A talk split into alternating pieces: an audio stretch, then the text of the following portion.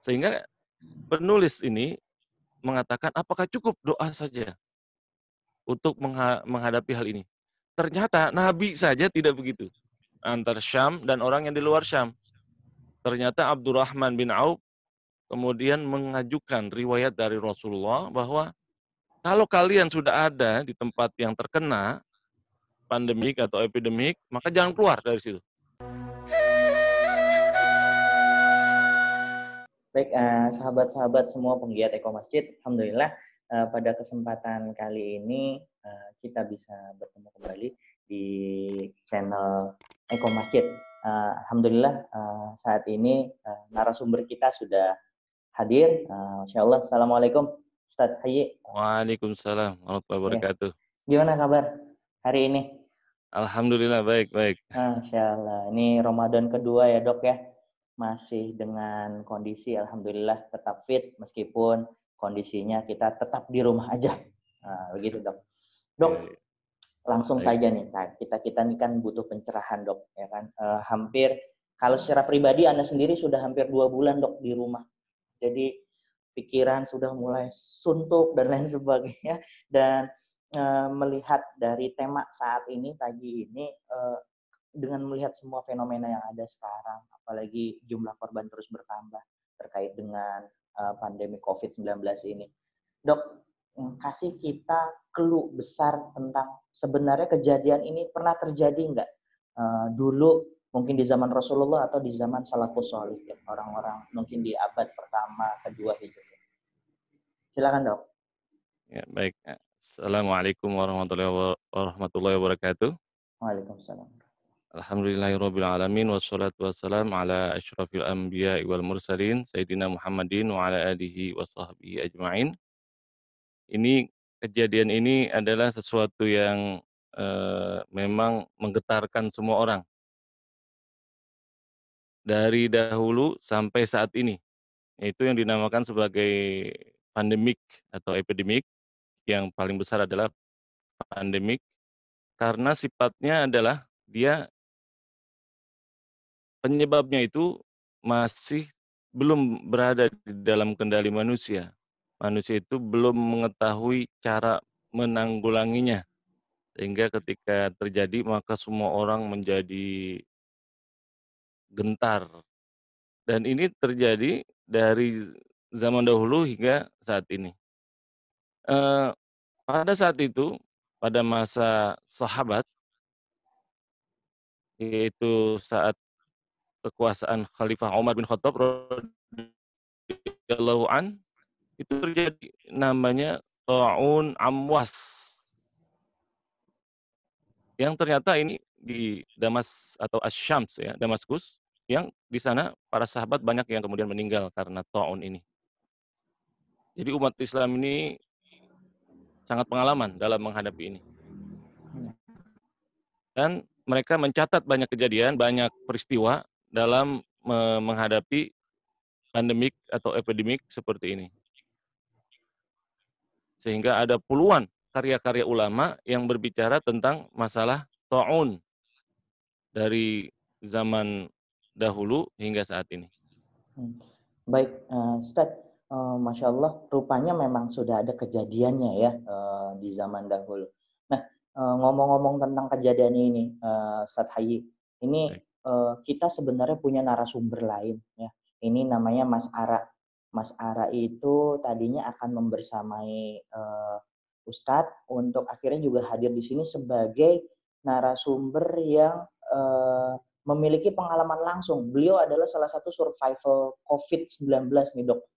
Nah, uh, masya Allah, uh, rupanya tadi malam kita dikonfirmasi bahwa beliau positif lagi dok. Jadi sudah sembuh, positif lagi nih. Jadi uh, mungkin uh, sepertinya mari sama-sama buat rekan-rekan kita doakan lagi bagi Mas Ara untuk uh, diberikan kekuatan untuk tetap semangat uh, menjalani penyembuhannya nih dok.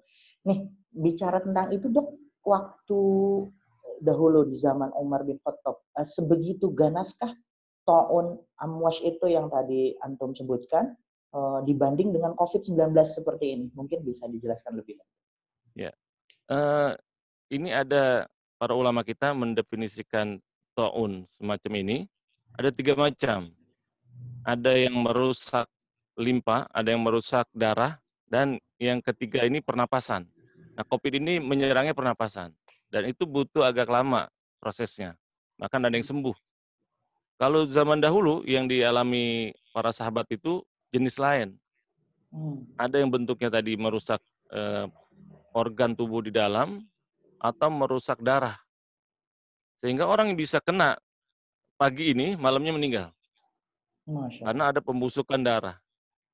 Hmm. Karena itu mereka ini eh, sangat sangat bingung menghadapinya.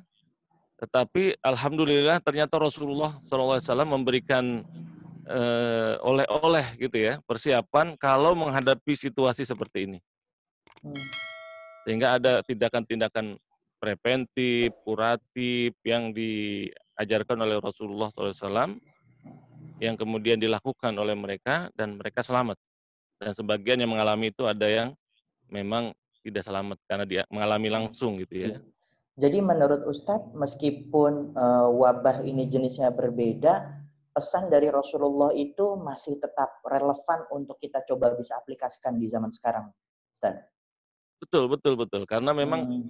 uh, metodenya sama, ya, metodenya sama atau po, uh, pola penyebarannya sama yaitu transmisi di antara manusia. Hmm. Akibat ada sesuatu sebab yang tidak diketahui. Baik, uh, buat sahabat uh, penggiat Eko Masjid yang lainnya, uh, perlu diinformasikan bahwa Ustadz Hayi ini beliau uh, memiliki Al-Qotoni Institute. Nanti mungkin bisa sedikit dijelaskan uh, Ustadz uh, bergerak di bidang apa saja. Lalu beliau ini uh, narasumber yang masya Allah kompeten sekali untuk membahas hal ini. Beliau S1, S2 di S1 di Al Azhar, uh, S2, S3-nya di Cairo University. Betul ya Ustaz ya? Seperti itu ya Ustaz ya? Iya betul betul. Ya, uh, sahabat semua, ada mitigasi dampak nih Ustaz tadi yang antum sudah sampaikan bahwa ada preventif, kurat, uh, kuratif dan juga mungkin promotif. Di sisi preventif, dok, uh, boleh uh, ditolong dijelaskan kepada kami-kami semua nih. Apa yang kira-kira relevan dulu sudah memang disinyalir di, di sudah disampaikan oleh Rasulullah dan itu juga masih relevan untuk kita lakukan di zaman pandemi kita saat ini. Ya, uh, ini sangat menarik. Ini tentang tindakan Rasulullah Shallallahu Alaihi Wasallam sehingga kemudian Rick Coincident, Coincident uh, menulis di Newsweek, Newsweek pada uh, bulan yang lalu tentang ternyata saran-saran kesehatan ataupun preventif dalam kasus seperti pandemik saat ini yang diberikan oleh Rasulullah SAW itu sangat relevan. Karena apa ini mereka menyebut Rasulullah SAW? Karena ternyata untuk e, negara sekelas Amerika saja mengalami kebingungan dan dari top leadernya itu atau presidennya sendiri cenderung akhirnya mengabaikan tindakan-tindakan pencegahan kesehatan sehingga mencukupkan dengan doa saja. Sehingga penulis ini mengatakan apakah cukup doa saja untuk menghadapi hal ini? Ternyata Nabi saja tidak begitu.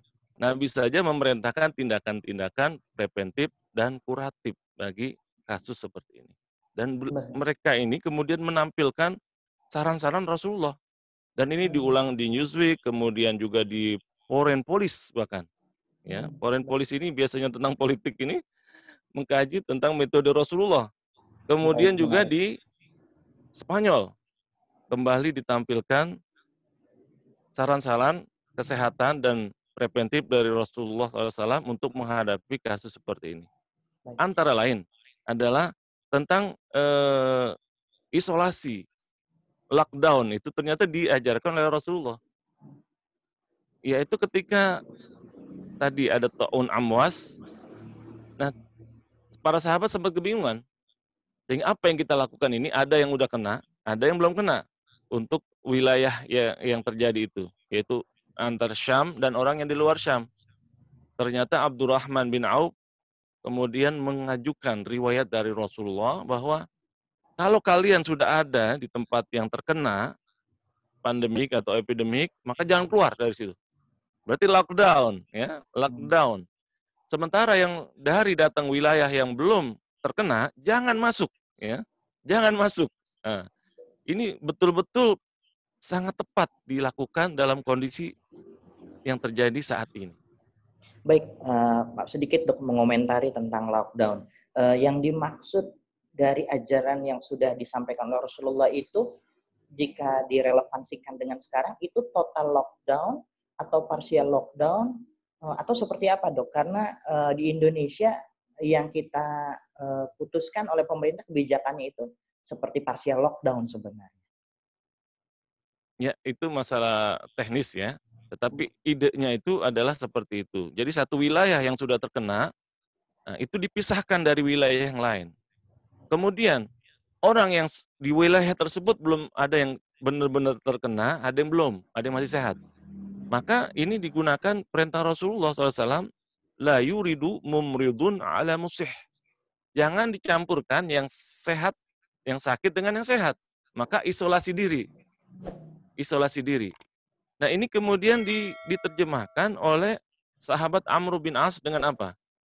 Dia melihat bahwa manusia ini bagi penyakit pandemik adalah laksana kayu bakar bagi api diambil ide dari sini dengan berdasarkan petunjuk Rasulullah SAW ini. Yaitu apa? Api itu tetap ada jika masih ada kayu. Maka kalau ingin mematikan api yang membakar ini, maka kayunya dipisah-pisahkan. Jadi yang sudah ada wilayah itu yang terkena pada berpisah masing-masing ada yang di daerah sini daerah sini di gunung-gunung katanya ya dan saat itulah bisa dikendalikan. Baik, itu uh, pendekatan uh, preventif ya dok. Uh, kalau untuk uh, apakah yang tadi uh, antum sampaikan itu juga termasuk dari pendekatan kuratif pengobatannya? Kalau dahulu gimana dok cara ngobatin ya. wabah dok? Ya, ini dikatakan wabah ataupun to'un. Kenapa dikatakan to'un? Karena memang obatnya belum diketahui. Kalau belum diketahui, maka yang dilakukan adalah menghindari agar terkena. Nah, kalau sudah terkena, bagaimana? Kalau sudah terkena, Rasulullah SAW memberikan eh, sisi psikologis dan sisi ruhiyah. Apa itu? Agar bersabar dan bertawakal bahwa ini semua adalah takdir dari Allah Subhanahu wa taala. Barang siapa yang bertawakal, bersabar ketika mengalami cobaan seperti ini, maka dia terhitung sebagai syahid.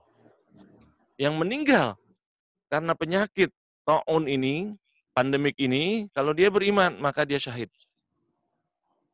Sehingga sahabat Abu Ubaidah bin Jarrah yang saat itu menjadi panglima pasukan kaum muslimin di Syam yang waktu itu mengalami ta'un amwas, bahkan meminta berdoa kepada Allah. Karena rakyatnya itu yang bawahan dia terkena, maka minta kepada Allah agar juga dapat penyakit ini. ya Agar dia merasakan juga dan mendapatkan anugerah kesyahidan. Hmm. Ini dua sahabat yang kena, yaitu Abu Ubaidah, dilanjutkan oleh Mu'ad bin Jabal. Kemudian dua-duanya untuk syahid dengan penyakit ini. Baik.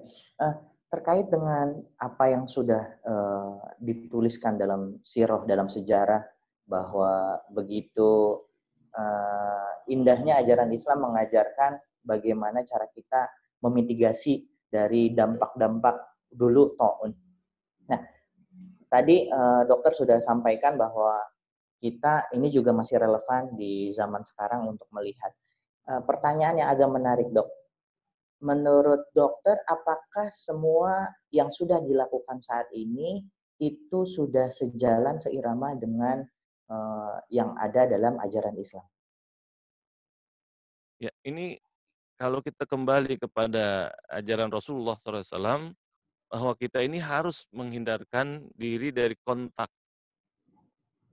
antara mereka yang sakit dengan yang belum sakit. Karena itu sangat penting sekali kita melakukan isolasi diri. Kemudian melakukan physical distinction antara manusia atau di antara orang-orang yang wilayahnya sudah terkena. Nah, berarti ini ketika kita lakukan tindakan physical distinction atau pemisahan diri, kita saat itu sedang melakukan ibadah karena menjalani perintah Rasulullah Shallallahu Alaihi Wasallam. Sementara kalau ada yang mengotot ingin beribadah dengan kumpul-kumpul, nah justru ini ibadahnya ini bertentangan dengan perintah Rasulullah SAW. Padahal ibadah Hmm. itu tujuannya untuk meraih ridho Allah dan sesuai dengan perintah Rasulullah. Ini menjadi pelajaran bahwa tidak semua perintah itu dikerjakan dalam bentuk yang sebagaimana padanya. Tapi ada setiap kejadian itu, setiap situasi ada cara yang berbeda. Baik, dok. eh, agak sedikit melebar, tapi ini yang sebenarnya terjadi saat ini, khususnya kita di kalangan umat Islam, Eh, apalagi di zaman pandemik, tapi juga di saat yang bersamaan ada eh, ada bulan Ramadan, di mana saat ini biasa seperti yang kita umumnya sering hadapi bahwa banyak rekan-rekan yang eh, meramaikan ya. Karena dalam rangka dalam rangka eh, apa ya istilahnya syiar gitu ya untuk bulan Ramadan. Dan akhirnya eh, himbauan dari pemerintah itu tanda kutip eh, agak relatif diabaikan. Dan yang menarik adalah bahwa mereka melakukan itu tidak hanya dengan pemikiran mereka sendiri. Jadi ada juga gitu alim ulama di antara kita gitu yang memang hmm, tetap mm, apa ya memerintahkan ya tadi ya udah nggak apa-apa di masjid saja ya kan ke pasar berani masa ke masjid nggak berani dok melihat fenomena seperti ini bisa ada tanggapan nggak Ya, ini eh, juga menjadi eh, perhatian mereka-mereka yang mengambil pelajaran dari Rasulullah, yaitu yang tertulis di Newsweek dengan Foreign Foreign For- Foreign Affairs ya, eh, Foreign Police. Dia mengatakan ini ternyata di negara negara maju pun ada yang seperti itu, menganggap bahkan herd immunity ya, biarkan saja man- orang-orang itu terkena. Nanti dia nanti siapa yang kuat akan selamat, yang tidak kuat akan mati. Wah, ini ternyata mereka sangat menolak cara berpikir seperti ini dan berlindung kepada ajaran Rasulullah. Apa itu? Agar melakukan tindakan preventif dan melakukan tindakan-tindakan juga kuratif. Preventifnya dengan apa? Dengan mengambil hadis bahwa kejadian seorang ham- eh, Arab Badawi yang bertanya, yang dilihat oleh Rasulullah, kenapa kamu onta kamu dibiarkan, tidak diikat? Saya bertawakal, ya Rasulullah. Saya bertawakal beriman, saya biarin aja. Nah, di sini Rasulullah memberikan ajaran, akilha wa tawakkal, thumma tawakkal. Ikat dulu, balik ikat dulu, baru bertawakal. Jadi bertawakal itu harus melalui tindakan-tindakan yang rasional juga. baik Nah, ini- baik. Mereka sendiri orang-orang rasional mengambil dari Rasulullah tentang keharusan kita melakukan tindakan yang rasional dalam masalah seperti ini. Baik dok, Eh, menarik jika ini dihubungkan dengan sesuatu yang sebenarnya kalau kita tarik dari eh, dasarnya, kita memang eh, kasusnya berbeda dari kejadian yang dulu taun amwas itu. Sampai saat ini WHO masih menyatakan dok bahwa ya, COVID ini sebenarnya eh, penyakit yang eh, mutagen. Ya, dia berpindah dari yang sebenarnya eh, dari kelelawar lalu ke manusia. Nah, dok dalam uh, analisa dan pemikiran uh, antum gitu sebagai uh, orang yang cukup banyak mendalami semua dari uh, sejarah-sejarah uh, masa lalu terkait dengan gimana Islam menangani uh, pandemik ya seperti itu. Uh, apakah dulu juga itu terjadi dikarenakan ada kondisi di mana uh, itu disebabkan karena lingkungan. Karena sampai saat ini kenapa kok bisa gitu ya kelelawar penyakit kelelawar pindah ke manusia gitu. Kan secara sederhananya berarti memang ada perubahan lingkungan di mana orang juga dengan perilakunya sampai kok kelelawar bisa ada gitu di komunitas manusia lalu mungkin dimakan entah seperti apa.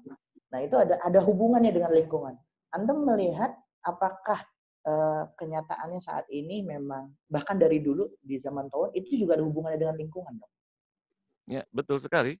Uh, menurut penelitian, ini pandemik yang terjadi sebelumnya yang bentuknya beda, yang saat ini menyerang pernapasan, dahulu ini menyerang uh, organ yang lain, yaitu darah dan sebagainya.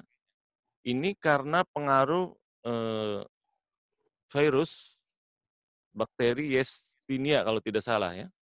Nah itu di, di, disebarkan oleh tikus, oleh tikus ya. Nah, tikus ini karena faktor lingkungan yang tidak bersih. Sehingga terjadilah tikus ini bergerak bebas ke wilayah-wilayah yang ditempati manusia. Nah, karena itu Rasulullah SAW sangat memperhatikan masalah ini. Beliau misalnya mengharamkan segala makanan yang telah dimakan tikus. Dalam pikir ada, kalau makanan berbentuk cairan sudah dikenakan tikus di situ, maka semua dibuang. Bayangin ya. Kalau masih makanan keras yang kena tikus, yang dimakan tikus harus dibuang. Nah, yang ini yang yang masih keras ini boleh. Tapi kalau cairan itu tidak boleh. E, kalau sudah terkena tikus, tikus masuk di situ maka najis semua. Najis semua. Dan ternyata memang tikus ini sangat berbahaya menyebarkan penyakit yang bermacam-macam. Karena itu Rasulullah SAW di hadis lain dikatakan kalau kalian tidur di atas sunnah adalah apa? Menutup. Menutup segala bejana, ya tempat-tempat yang kita akan gunakan makan dan minum sebagainya harus ada eh, tindakan menutup. Jangan sampai ter, dibiarkan sehingga ada hewan-hewan yang nanti bisa me, me, me, menyebarkan penyakit ke tempat makanan kita. Hmm, baik, baik, dok. Dok, uh, terkait dengan tadi, rupanya juga memang ada hubungannya dengan lingkungan. Ini terkait uh, hal itu, kan kita nih saat ini ada di dalam gerakan Eko Ramadan, gitu ya. Uh, jadi uh, Eko Ramadan adalah bagian dari program Eko Masjid. Nah, Eko Masjid itu sendiri adalah gerakan yang ingin menghidupkan masjid uh, secara sederhana agar berwawasan lingkungan, baik mulai dari pikiran sampai ke amalan-amalan yang juga uh, bentuknya adalah bagian dari kontribusi kita umat Islam untuk juga menjaga lingkungan. Dok, terkait dengan semua mitigasi dampak tadi dan hubungannya dengan lingkungan, apakah antum punya ide, punya pemikiran seandainya gerakan ini ya kan yang tadi uh, ibarat kalau di muslim kita ada istilah kita nasrul fikroh menyebarkan pemikiran ini dok gitu loh. Uh, tapi jika ini dihubungkan dengan gerakan eko masjid ini, dok punya pemikiran nggak gimana supaya apa yang kita diskusikan kali ini itu juga bisa dipahami oleh banyak sahabat-sahabat kita di luar sana dan menjadi sebuah gerakan yang yang masif gitu dok? Supaya umat Islam ini sadar juga terkait dengan uh, bagaimana mitigasi dampak menurut Rasulullah dan juga hubungannya untuk menjaga lingkungan. Ya, baik. Uh, Rasulullah SAW uh, sangat istimewa meletakkan eh, sholat, meletakkan masjid sebagai pusat pergerakan, pusat eh, aktivitas umat Islam. Nah, di antara kelebihan, eh, di antara keistimewaan sholat dan ibadah yang diajarkan oleh Islam adalah masalah kebersihan. Bahkan beliau mengatakan atau huru syatrul iman, kebersihan itu bagian dari iman. Maka orang yang ke masjid, bahkan oleh ada eh, mantan diplomat Jerman mengatakan saya ketika berada di masjid tidak pernah mendapati bau yang menyengat. Itu tidak saya dapatkan di masjid, tetapi saya banyak di tempat konser, di tempat yang yang dikatakan tempat mereka ini pergaulan orang-orang ber, beradab gitu. Ternyata banyak sekali yang bau sekali, yang kotor sekali. Di masjid semua orang bersih. Itu dikatakan oleh Morad Wilfred Hoffman. Kenapa? Ternyata umat Islam ketika melakukan ibadah itu sudah diajarkan tentang kebersihan, tentang kesehatan. Sehingga orang yang ke masjid menghilangkan bau mulutnya, bau badannya, dan kotoran-kotoran di tubuhnya. Nah, di sini ini menjadi bekal untuk apa? Pelajaran menyebarkan masalah kesehatan, masalah kebersihan melalui media masjid sebagai tempat pembelajaran kesehatan dan kebersihan secara universal. Yang saat ini dipelajari juga oleh orang-orang dari luar Islam. Baik, lalu kira-kira dok uh, untuk yang tadi hubungannya kan saat ini memang masjid tidak bisa terutilisasi secara secara optimal dikarenakan memang ada kondisi-kondisi yang uh, tadi dokter sudah sampaikan secara fikih ya memang uh, kita harus berikhtiar tetap di rumah. Nah, uh, hubungannya dengan tadi masjid sebagai pusat gerakan dengan kondisi saat ini gimana dok? Ya.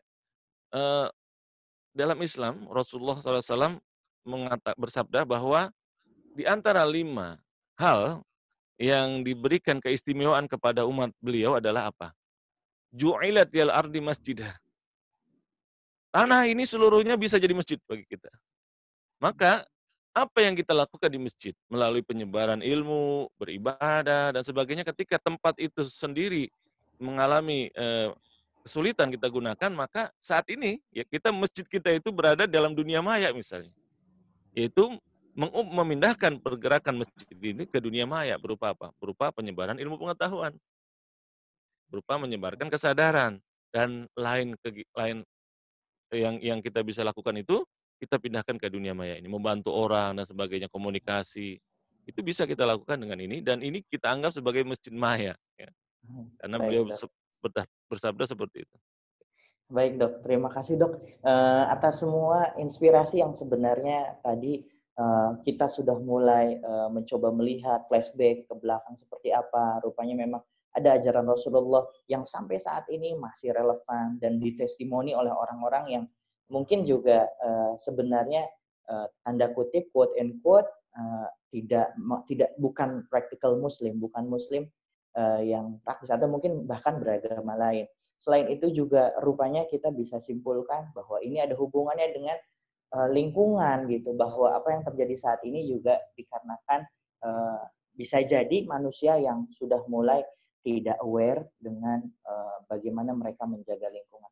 Uh, satu hal lagi dok terakhir, pertanyaan terakhir.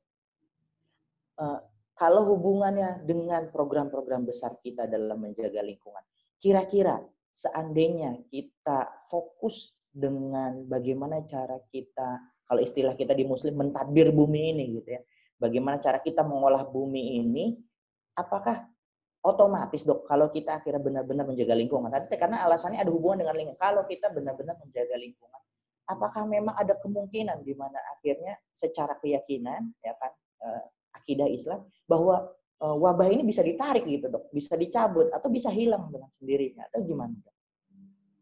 Betul ya, di antara tindakan uh, pencegahan wabah seperti ini adalah menjaga kesehatan, menjaga lingkungan, karena ini juga efek dari uh, over eksploitasi yang dilakukan oleh manusia sehingga membalik kepada kepada manusia itu dalam bentuk efek negatif. Karena ajaran Rasulullah SAW ini bahkan seluruh bagian dari alam semesta ini mempunyai jiwa, mempunyai bentuk yang dia itu mempunyai apa e, perasaan. Sehingga pohonan saja oleh Rasulullah SAW itu yang biasa dipakai untuk e, khutbah sempat terdengar menangis ketika tidak dipakai lagi. Maka Rasulullah SAW itu sampai memeluk pangkal pohon itu ditenangkan agar tidak menangis. Maka kita di sini harus memperhatikan seluruh alam semesta ini sebagai saudara kita juga. Kita ambil manfaat dari alam ini, tetapi kita juga tidak boleh merusak alam. Sebagaimana kita mengambil manfaat dari saudara kita tanpa menyakiti.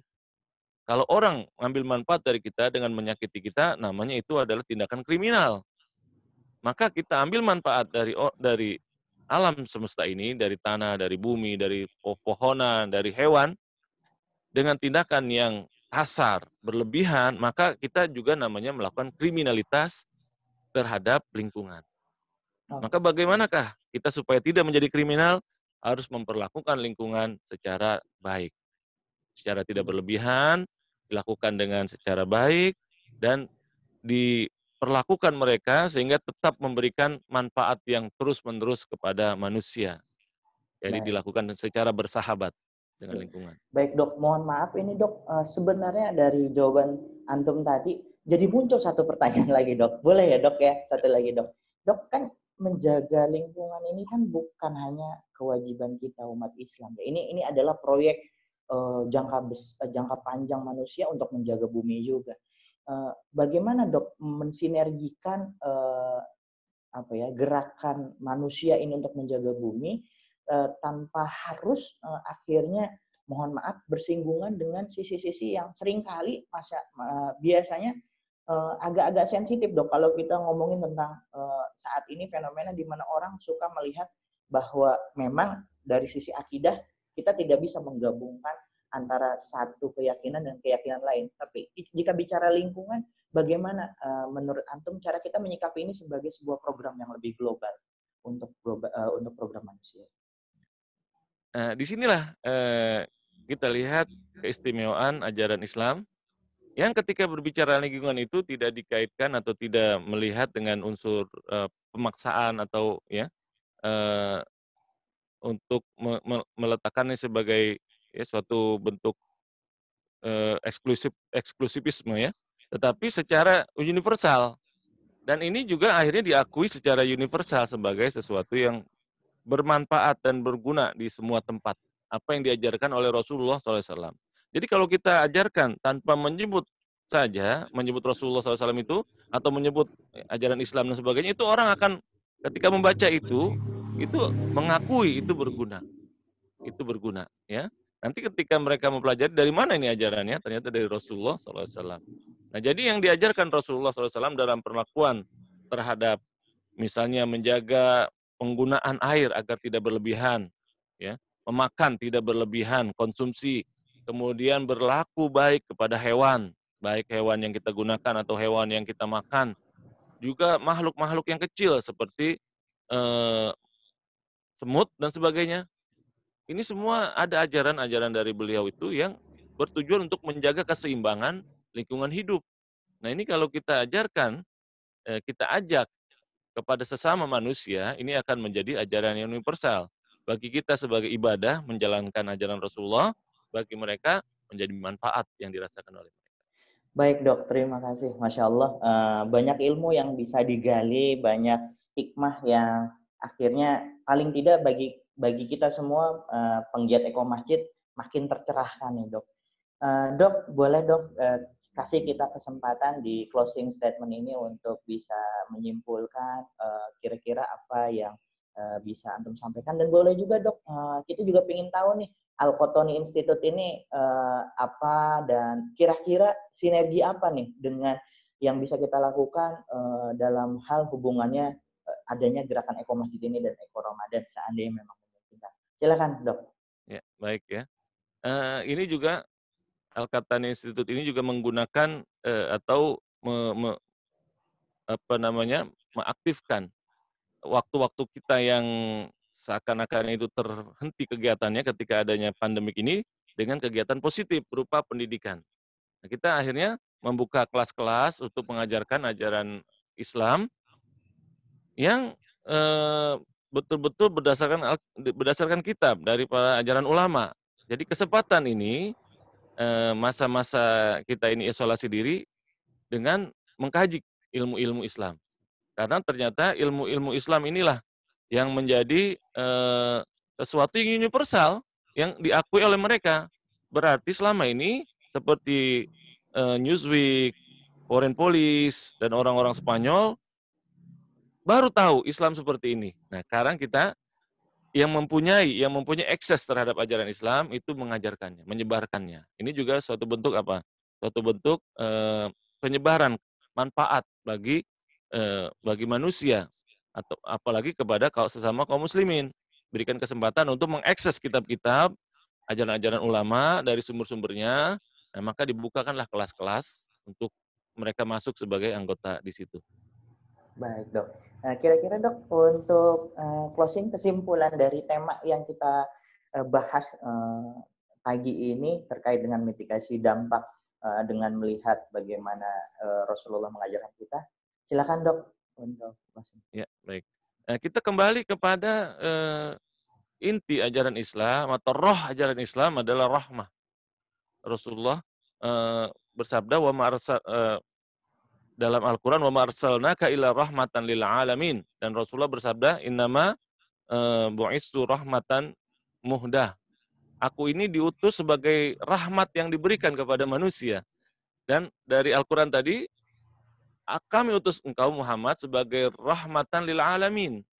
Nah, di sini kita lihat dalam kondisi kalut ternyata manusia menemukan metode yang sangat tepat pada ajaran Rasulullah. Maka kita harus percaya kaum muslimin ini bahwa ajaran yang kita ikuti dari Rasulullah SAW itu semuanya menjadi rahmat, tidak hanya saat ini saja. Maka saat ini mereka ambil, maka besok dalam sisi sisi lain kita kita juga ajarkan juga, kita juga sebarkan juga sehingga mereka dapati itu sebagai rahmat. Antara lain adalah ajaran masalah ekonomi, perpolitikan, kebersihan, pendidikan, keimanan dan sebagainya sehingga mereka ambil bukan dengan pemaksaan tetapi sebagai memang keharusan untuk mereka jalankan. Seperti eh, masalah keadilan. Ini kenapa ada kerusakan di muka bumi karena banyak orang kaya tidak adil yaitu kalangan kapitalisme. Nah, ini juga bisa menjadi eh, solusi dari umat Islam bahwa yang terutama adalah manusia itu mendapatkan masing-masing haknya. Nah inilah keadilan universal yang tidak ada di muka bumi. Itu yang harus juga diajarkan sehingga tidak ada ketidakseimbangan di muka di muka bumi ini yang berakibat over eksploitasi dan akhirnya terjadilah penyakit yang dirasakan oleh semua orang. Baik dok, terima kasih begitu komprehensifnya kesimpulan uh, kajian kita kali ini sebagai penutup dok uh, minta tolong mohon kami bisa dipandu ditutup dengan doa. Salah satunya untuk mendoakan saudara-saudara kita dan yang lebih khusus uh, salah satu narasumber kita dok ini ada Mas Ara beliau adalah uh, salah satu kalau tidak salah saya dengar beliau adalah salah satu asisten pribadinya uh, Pak Bima Arya ya. Jadi sekarang positif lagi. Mohon dok uh, sebagai penutup bisa pimpin kita untuk berdoa dok. Astagfirullahaladzim, astagfirullahaladzim, astagfirullahaladzim. Allahumma salli ala Sayyidina Muhammadin tibbil qulubi wa dawaiha wa afiyatil abdani wa shifaiha wa nuril absari wa diyaiha wa ala alihi wa sahbihi wa sallam. Allahumma arfa'anna al-bala wal waba wal fahsya wal munkar ma minha wa ma batan Allahumma inna na'udzubika minal baras wal junun wal jununi wal juzam was sayyi'il asqam. Allahumma la tada' lana fi maqamina hadza dzamban illa walakarban ilakasarta, la hamman illa farajtah karban illa kasartah illa syafaitah akhana hadza al-madhkur illa syafaitah ya Allah. Allahumma shfihi shifaan ajilan la yughadiru saqaman wa sallallahu ala sayyidina Muhammad wa ala alihi wa sahbihi wasallam. Terima kasih dok atas doanya. Terima kasih juga dok atas waktunya. Semoga insya Allah ke depan kita bisa bertemu lagi dalam program Eko Ramadan, dalam program Eko Masjid. Dan terima kasih sekali lagi atas atensi semua penggiat Eko Masjid yang bisa hadir di dalam kajian ini. Eh, dan syukran jazakumullah eh, dok, Ustadz. Semoga insya Allah kita bisa bersilaturahmi lagi nanti di dunia maya dan seandainya kondisi sudah normal kita bisa langsung bermuajah dok bertatap muka untuk bisa uh, saling bertukar pikiran dan bisa saling berkontribusi. Terima kasih dok. Terima kasih. Sekali lagi.